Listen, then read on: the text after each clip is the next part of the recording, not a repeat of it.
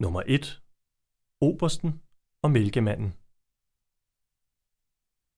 Du står nu ved indgangen til hovedbygningen, som blev opført i 1902 i forbindelse med, at Carlsberg fik sin første tappehal.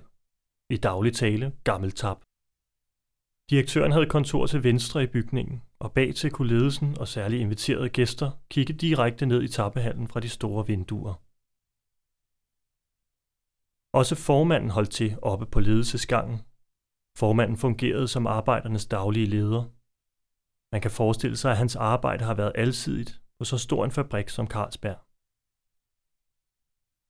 Formanden skulle tage stilling til mange besynderlige forespørgseler og klager. En dag kom fodermesteren ind på formandens kontor og beklagede sig over, at kollegaerne kaldte ham ved øgenavn. Nå, hvem gør det? spurgte formanden. Ja, svarede fodermesteren, det gør blandt andre latterfuglen, lilleper og melfisen. Formanden fik hurtigt smidt ham ud af kontoret. Alle på Carlsberg havde øgenavne. Det var en del af hverdagen på fabrikken, hvor tonen var hård, men kærlig.